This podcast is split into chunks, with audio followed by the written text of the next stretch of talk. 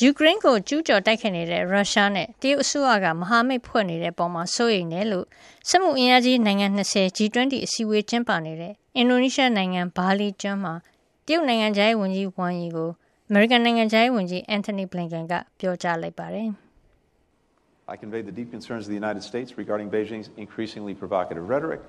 and activity. တရုတ်ပြည်သူ့သမ္မတနိုင်ငံကရုရှားနဲ့မဟာမိတ်ဖွဲ့နေတဲ့ပုံမှာစိုးရိမ်တဲ့အကြောင်းနိုင်ငံတော်တိုင်ပင်ခံကိုကျွန်တော်ထပ်ပြောခဲ့ပါတယ်လို့တရုတ်နိုင်ငံခြားရေးဝန်ကြီးနဲ့9နာရီကျော်ကြာတွေ့ဆုံမှုအပြီးစနေနေ့ကသတင်းစာရှင်းလင်းပွဲမှာဝန်ကြီးဘလင်ကန်ကပြောကြားလိုက်တာပါ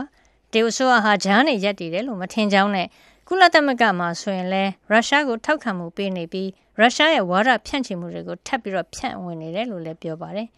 တရုတ်သမ္မတရှီကျင့်ပင်ရုရှားသမ္မတနဲ့ဇွန်လ23ရက်နေ့တုန်းကဆက်သွယ်ပြောဆိုရမှာလဲရုရှားနဲ့မိတ်ဖက်ဆက်ဆံရေးတိစောက်ဖို့အတွက်ဆုံးဖြတ်ခဲ့တာကိုဝန်ကြီးဘလင်ကန်ကထောက်ပြခဲ့ပါတယ်။ရုရှားကအထူးစစ်စင်ရေးတရက်ဖြစ်နေသုံးလုံးပြောဆိုနေတဲ့ယူကရိန်းပေါ်မှာကျူးကျော်မှုမှာတရုတ်ကရုရှားကိုထောက်ပံ့ကူညီမယ်ဆိုရင်ဒဏ်ခတ်အရေးယူမှုအပါအဝင်နောက်ဆက်တွဲအကျိုးဆက်တွေနဲ့ရင်ဆိုင်ရလိမ့်မယ်လို့လည်းအမေရိကန်ရရှိတွေကသတိပေးပါတယ်။ တချိန်တည်းမှာပဲရုရှားတပ်တွေယူကရိန်းတောင်ဘက်ကမ်းရိုးတန်းတစ်လျှောက်ကပြန်ရုပ်သိမ်းဖို့မရှိသလိုယူကရိန်းရဲ့အရှေ့ပိုင်းဒုံဘတ်ဒေသတစ်ခုလုံးမှာရှိတဲ့ယူကရိန်းတပ်တွေကိုခြေမုံပစ်မှာဖြစ်ကြောင်းဗြိတိန်နိုင်ငံဆိုင်ရာရုရှားတံမတ်ကြီးကစနေနေ့မှာပြောကြားလိုက်ပါတယ်